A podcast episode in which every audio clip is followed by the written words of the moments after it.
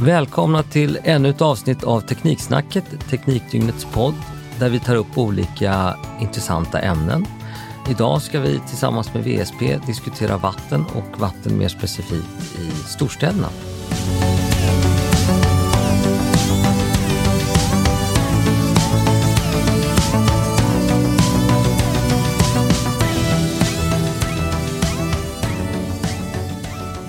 Vi har två mycket bra gäster här. Vi har från VSP Anna Dahlman Petri som är en expert på vatten och avlopp. Och sen har vi Mårten Frumeri som är VD för Stockholm Vatten och avfall. Alltså ytterst ansvarig för att en och en halv miljon människor runt omkring i Stockholm får sitt vatten. Välkomna! Tack! Tack, tack. Jag börjar med en viktig fråga här. Vad är de största utmaningarna runt städerna när vi är kopplade till vatten? Ja, jag skulle säga att eh, en av de stora utmaningarna just nu är ju att eh, mycket av den infrastruktur och de anläggningarna byggdes i samma tidsålder som eh, miljonprogrammen, alltså under 60 och en bit in på 70-talet. där. De börjar bli gamla helt enkelt och att de inte riktigt håller måttet längre. Sen är det en annan sak att de byggdes för sig väldigt eh, framåtsyftande där man tog höjd för både befolkningsökning och en ökning eh, i behovet av vatten om man säger så. Men eh, prognoserna kanske inte riktigt visade sig stämma för att eh, befolkningen i Stockholm minskade ju faktiskt under 70-talet. Sen så tog den fart under 80-talet. Eller Stockholms stad är det här då, kranskommunen har det för sig ökat. Men det behovet man byggde för har ju då hållit fram till dagens dagar egentligen. Men nu börjar vi nå kapacitetstaket för hur mycket vatten som kan produceras. Så att vi har ju både en ökad befolkning som gör att vi behöver mer vatten för att eh, det, det som byggdes då räcker inte riktigt längre. Och sen så har vi då skicket på anläggningarna. Eh, och det är inte bara då på produktionsanläggningen utan det är hela ledningsnätet och eh, våra då vattenreservoarer, alltså vattentornen. Eh, vi har 11 stycken i vår, vårt bestånd och det nyaste är från 1973. Så det visar ju lite på åldern i det här och att man då behöver eh, stoppa in en hel del nya pengar i det här för att de, de, de ska hålla framöver. Hur stort är investeringsbehovet? Eh, om man tittar fem år bak i tiden ungefär, så vi investerar runt 600-700 miljoner per år då. Vi låg ungefär på den nivån om man tittar ännu längre bakåt. Förra året så investerade vi 3 miljarder. I år räknar vi med att investera 3,5 miljard. Så att det är rätt stora ökningar på få år. Det är stora pengar som stoppas in. Är de här utmaningarna, skulle ni säga, liknande var man än är i världen eller i specifika Stockholmsutmaningar?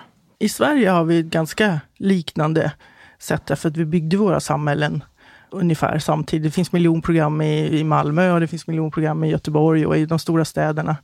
Och även samhällsbyggnaden, Per Albin Hansson och 50-talet, nu ska vi bygga samhällen och vi ska bo tätare och så. Så att i Sverige är nog den utmaningen gemensam. Sen är inte alla städer som växer. Det finns även det motsatta fenomenet att de samhällen som fanns på landsbygden där folk bodde förut, där bor det inte folk längre. Och då blir det också en utmaning för VA-systemen. För de byggdes då för ett annat typ av samhälle. Och det är det vi har, det är en av de stora utmaningarna framåt här, att hur ska vi tro att våra, eller ta reda på hur vi vill eh, våra samhällen ska se ut på hundra års sikt, för det är så länge som vi måste planera för de här investeringarna som gäller vatten och avloppsanläggningar. För de är väldigt långsiktiga. Den här infrastrukturen använder vi länge, även om de verken nu börjar ta slut, de vi byggde på 60-70-talet. Ja, de vi byggde på 60-70-talet kan man konstatera att man gjorde, vad gjorde man rätt och vad gjorde man fel? Ja, det är en jättebra fråga. Men eh, det man, eh, man gjorde ju rätt genom att våga. Mm. ta de besluten. Det var absolut, eh, det har ju gagnat samhällsutvecklingen i de här städerna och våran eh, möjlighet att bygga städer. Vi har ju kunnat expandera utan att behöva göra de här investeringarna. Utan de fanns redan, så att det gjorde man ju på något sätt rätt. Man tog höjd för framtida eh, urbanisering, om man ska uttrycka sig så, eller städernas växt hur de har växt. Så att vi har ju levt på den investeringen som gjordes då. Och dessutom gjordes de ju också mycket med skattemedel. Det vill säga vi som använder anläggningarna betalar inte priset fullt ut för de kostnader vi har använt. Idag betalar vi ju våra anläggningar genom avgifter för det det kostar. Liksom. Så nu de här investeringarna som vi behöver göra nu, de finns det inte skattemedel för, utan de betalar vi genom avgifter, då vi som använder anläggningen i samhället, det vill säga invånarna och företagen som, som köper vattnet helt enkelt. Och Mårten, du som nu ska ansvara för utbyggnad, uppbyggnad, underhåll. Vad ser du för utmaningar som man inte har tagit höjd för? Jag eller inte har tagit höjd för jag tror att kapacitetshöjning, eller mest så tog man höjd för mycket men sen så är det ju att eh, en sak som förändras det är till exempel det kan vara lagstiftning, eh, det kan vara samhällskrav gällande, det kan vara normer och sånt där. Det här med skicket med anläggningen, jag tror att även de byggde med anläggningen på längre sikt. Men de eh, byggnadsmetoder man hade på den tiden kan vara krav eh, med betong till exempel, betongkvaliteter och täckskikt på betongen, armering, kvarter och sånt där. Och det kan vara fogar man använder och den typen som då kanske inte riktigt håller dagens eh, krav. Och då gör det så att eh, vi behöver till exempel gå in och fixa betongen på vissa ställen så att den håller i ja, 50-60 år där någonstans och sen behöver den fixas till. Även om man hade ett längre perspektiv och nu, vi tittar även nu på 100-150 års sikt. Eh, och vi gör ju det bästa vi kan idag, det vi tror är rätt. Men det får väl framtiden utvisa om vi gör. Det är enorma perspektiv mm. tycker jag, 150 år. Ja, eh, det är som att hålla på med skogsplanteringar. Ja. Vad ska man ta höjd för? Vad är det som är liksom, vad är det svåra i det här? Ja, men det vi har framför oss är det klimatutmaningen. Mm. Och den är, vi har ju väldigt mycket bra kunskap idag om klimatförändringarna och var i Sverige vi kan förvänta oss. Men i det kunskapen så ligger det ju att det är osäkert. Vi vet inte var det här regnet ska falla.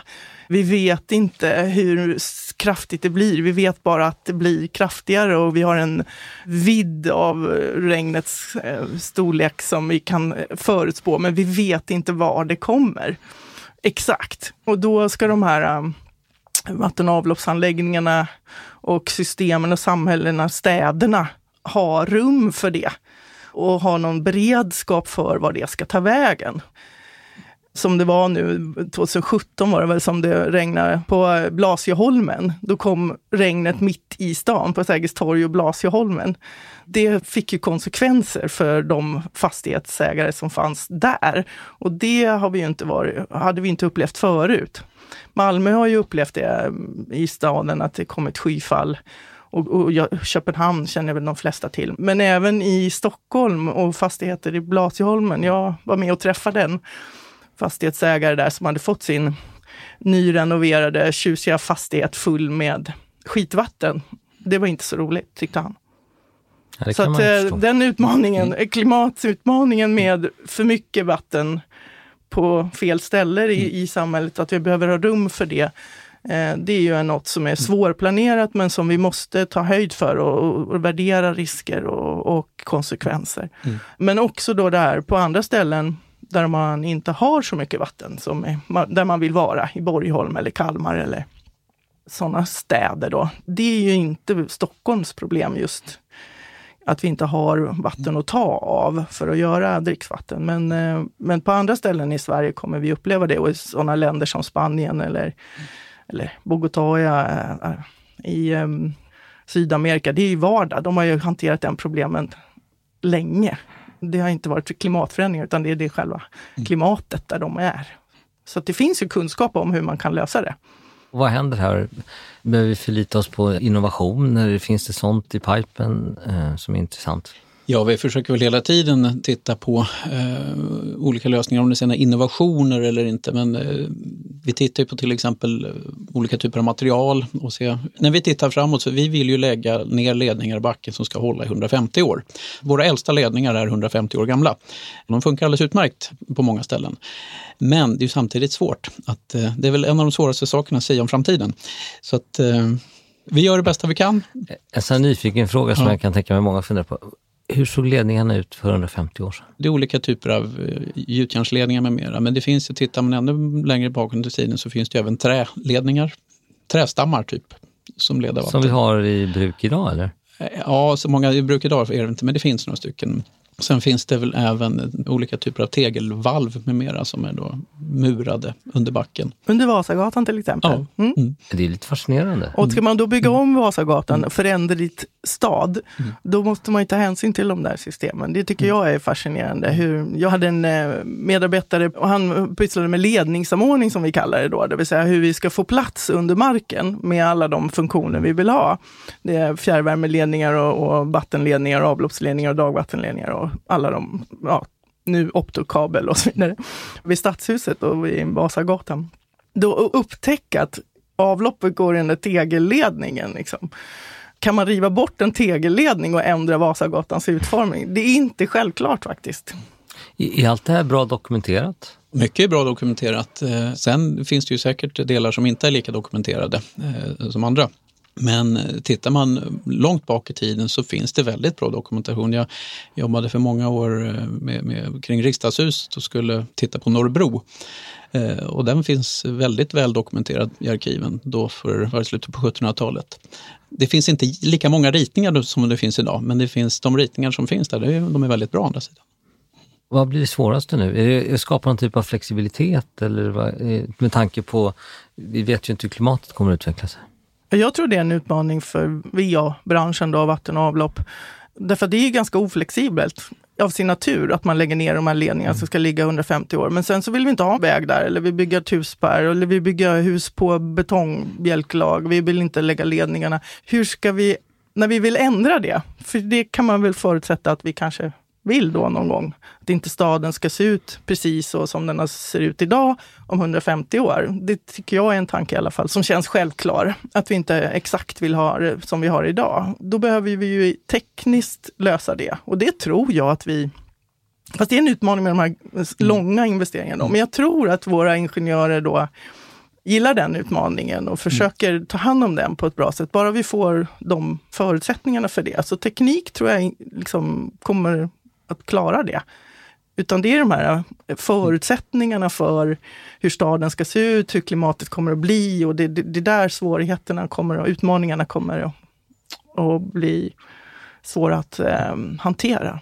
Sen tror inte jag man ska bygga en för stor flexibilitet för det är ju också kostnadsdrivande om man ska ha många dörrar öppna samtidigt. Jag tror att man måste på något sätt också bestämma någon typ av linje som man tror mest på. För att vissa saker kan vara flexibla, men ett ledningsnät som du säger är ju inte så flexibelt. I sin natur. I sin Men sen- natur är det men, men, men då kanske just den delen får vara oflexibel. Mm.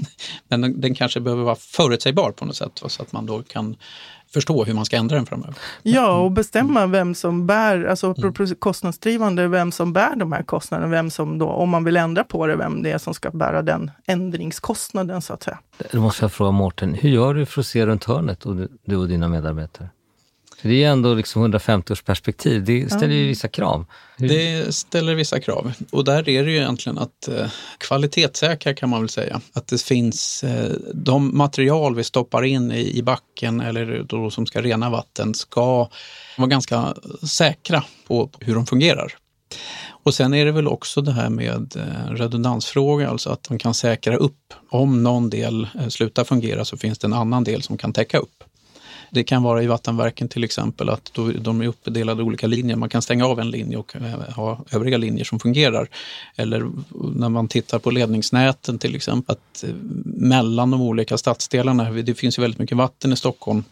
Då finns det vissa passager som är trängre än andra och att om, om den försvinner så ska det finnas en annan väg som man då kan försörja. Om det nu kan vara Kungsholmen till exempel, eller bara för att säga något exempel. Anna här, eh, du jobbar ju på VSP och VSP är ett av de största teknikkonsultföretagen i världen. Ja.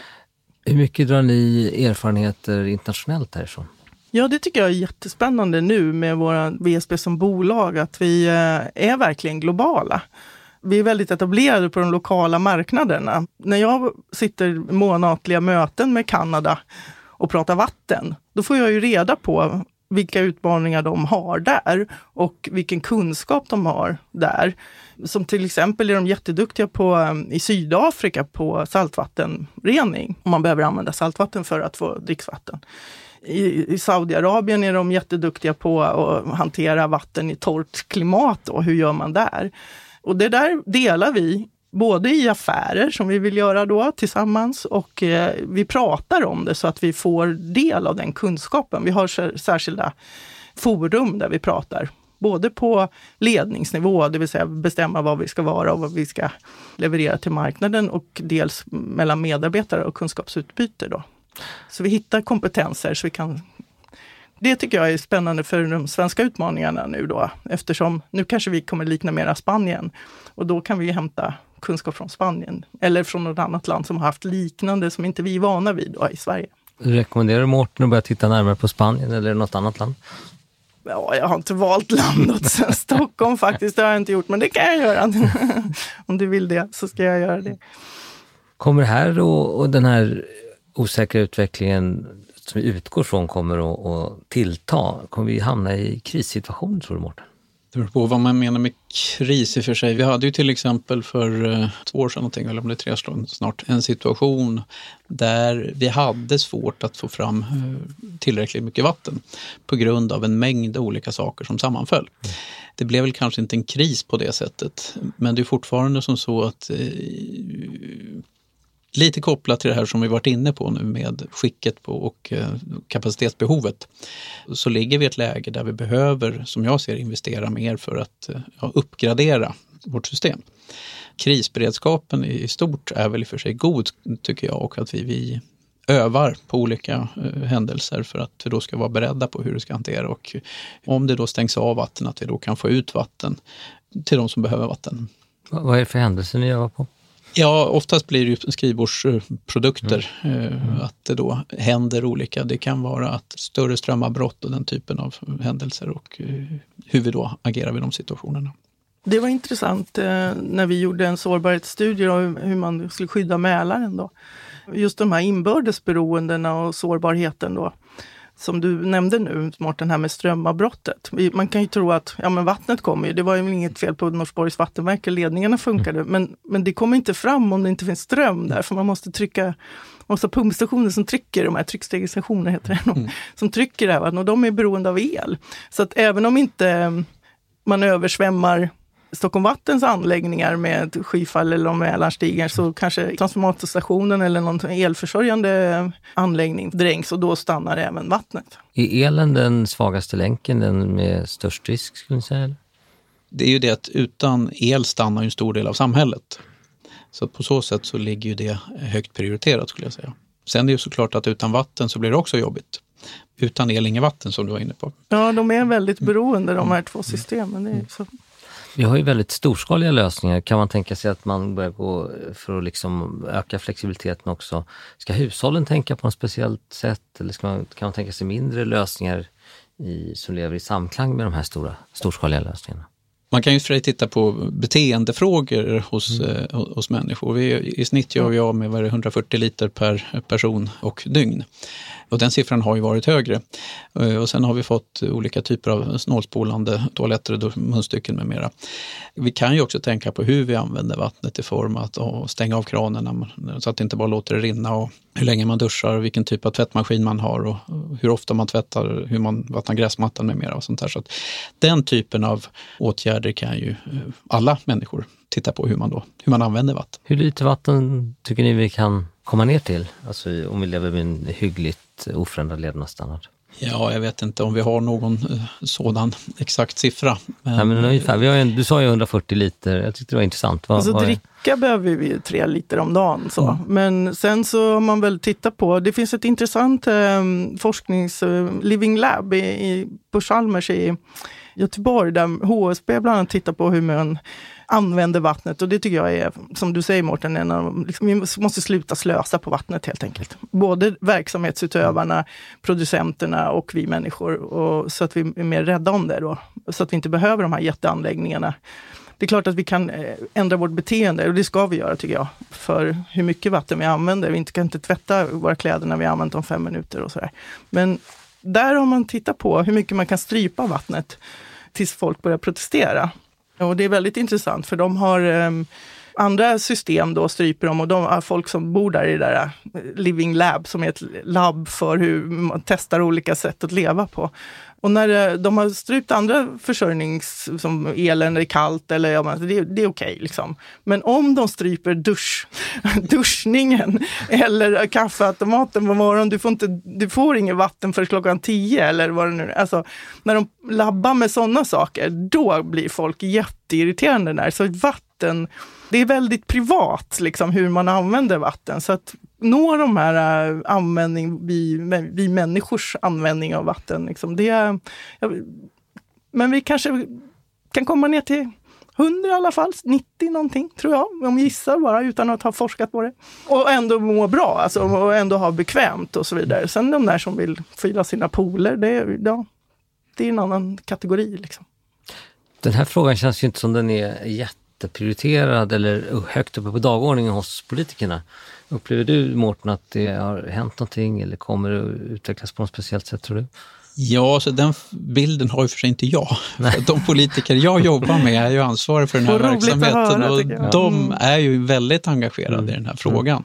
Och sen så också om man då kopplar på klimatfrågan på vattenfrågan också så är det, tycker jag, många som är på den frågan. Så att, eh, och vi har fått lite skjuts också i att prata vatten. Vi måste ju prata om det för att skapa det här engagemanget. För det är ju självklart, vi blir motbevisade. Det funkar väl skitbra. Det kommer ju vatten varenda gång vi mm. lyfter på kranen. Det är 32 mm. gånger om dagen var det någon som sa till mig någon gång. Mm. Vi blir ju motbevisade att det är ett problem. Liksom. Men det, det finns ju utmaningar som sagt bakom den här öppna kranen-nivån.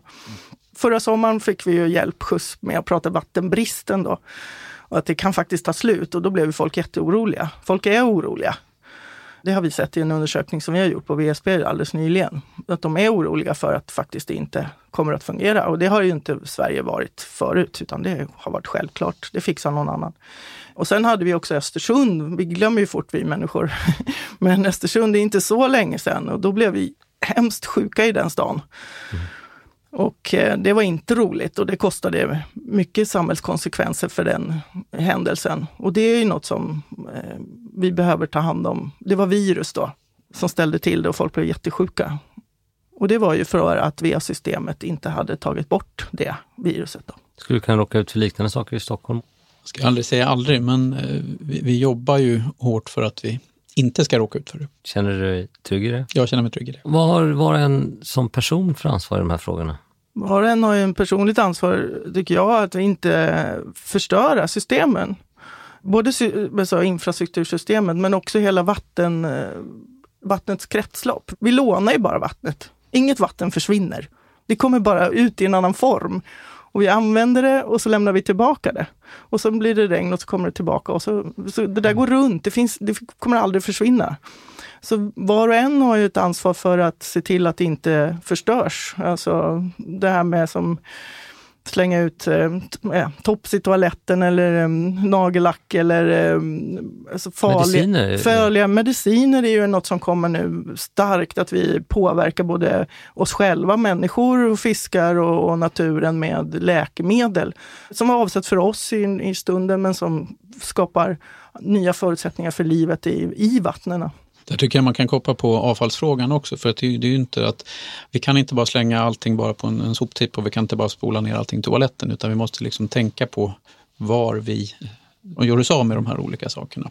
Dels självklart att kunna göra av med mindre överlag, men även att då när man gör av med saker att eh, stoppa dem på rätt ställe och gärna återanvända eller återbruka dem. Hur jobbar ni på Stockholm Vatten? Alltså, jag har ju sett de här kampanjerna, spola inte ner topsen i, i toaletten. Det har vi kört med de senaste 25 åren eller något. Men vad är er nya grej på Stockholm Vatten? Ja, jag vet inte om det är nytt på det sättet, men vi, vi kör ju de kampanjerna lite då och då för att de behöver köras. Är man i avloppsreningsverken och tittar i grogallrarna där så ligger det ju fortfarande en hel del saker. De här, redan, det är ju första steget som, som sorterar bort det och där ligger en hel del saker som ja, inte ska ligga där helt Nej, enkelt. Så det, det behöver, det behöver upprepas, ja, Vad kommer du prioritera här närmast, Mårten?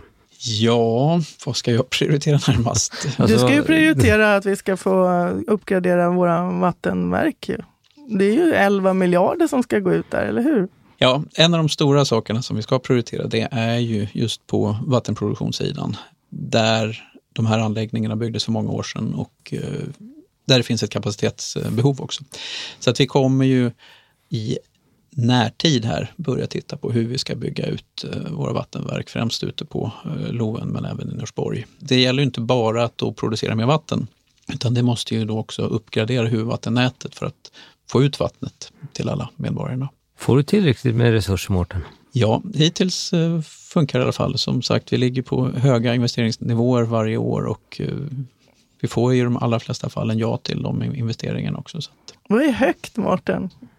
Det är ju relativt. Det är klart att det är mycket högre idag med de, som du sa, då, 3 miljarder istället för 700 miljoner. Men är det rätt nivå, säger du? Ska det vara 5 miljarder kanske? Ja, investeringsnivåerna är ju också lite beroende på hur mycket det går att göra samtidigt. Så det blir också en prioriteringsfråga i det här, ja. hur, hur snabbt man orkar med att dra fram för att det fortfarande ska bli rätt kvalitet. Så just nu skulle jag säga att vi ligger på rätt nivå. Sen Utifrån kan... de förutsättningar du har, alltså ja. orkar med? Liksom. Ja, visst, vi kanske framöver kan investera mer, men just nu tror jag vi ligger rätt. Och sen så organisationen eh, i sig, alltså antal medarbetare på Stockholm Vatten Avfall, vi har ju vuxit med ungefär 50 procent de senaste fem åren. Så att det finns ju också en, en gräns för hur snabbt och hur mycket man kan växa på kort tid. Det och ändå mäkta med mm, göra det man ska göra. De stora utmaningarna som vi inte har pratat om hittills, i det här, att vi ska ha kompetens och resurser att genomföra de här uppgraderingarna och nya förutsättningar. Och det, det är faktiskt inte så att vi har det idag i Sverige. Vi har ju många studenter som lyssnar mm.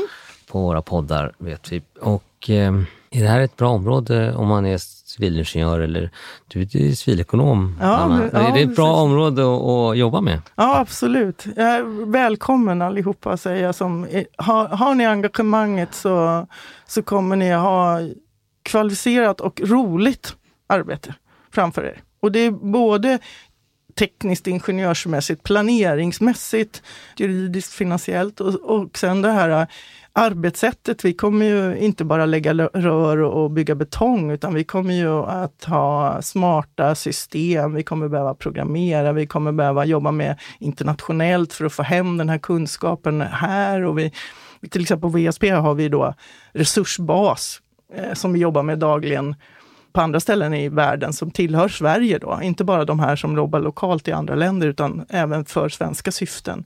Vilket är helt nödvändigt för vi, vi räcker inte till annars. Kommer det här bli mer internationellt tror du, i, som yrke? Att man hämtar erfarenheter från andra länder och har mer kunskapsutbyten? Absolut.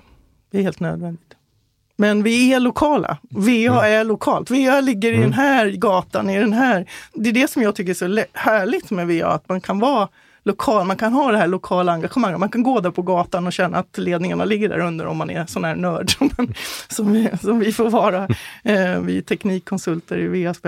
Så eh, får man vara där, väldigt lokalt. Men man får också ha den här globala synen på vatten, att vattnet inte försvinner. Och att vi lånar det är en jättehärlig plattform att jobba utifrån. Sen finns det lite olika förutsättningar runt om i världen också var man då tar vattnet ifrån. Om det är ifrån eh, ja, sötvatten, insjöar, eh, floder eller om det är grundvatten eller om det är avsaltning med mera. Så att det, beroende på varifrån man tar det så kan man behöva olika tekniker runt om i världen.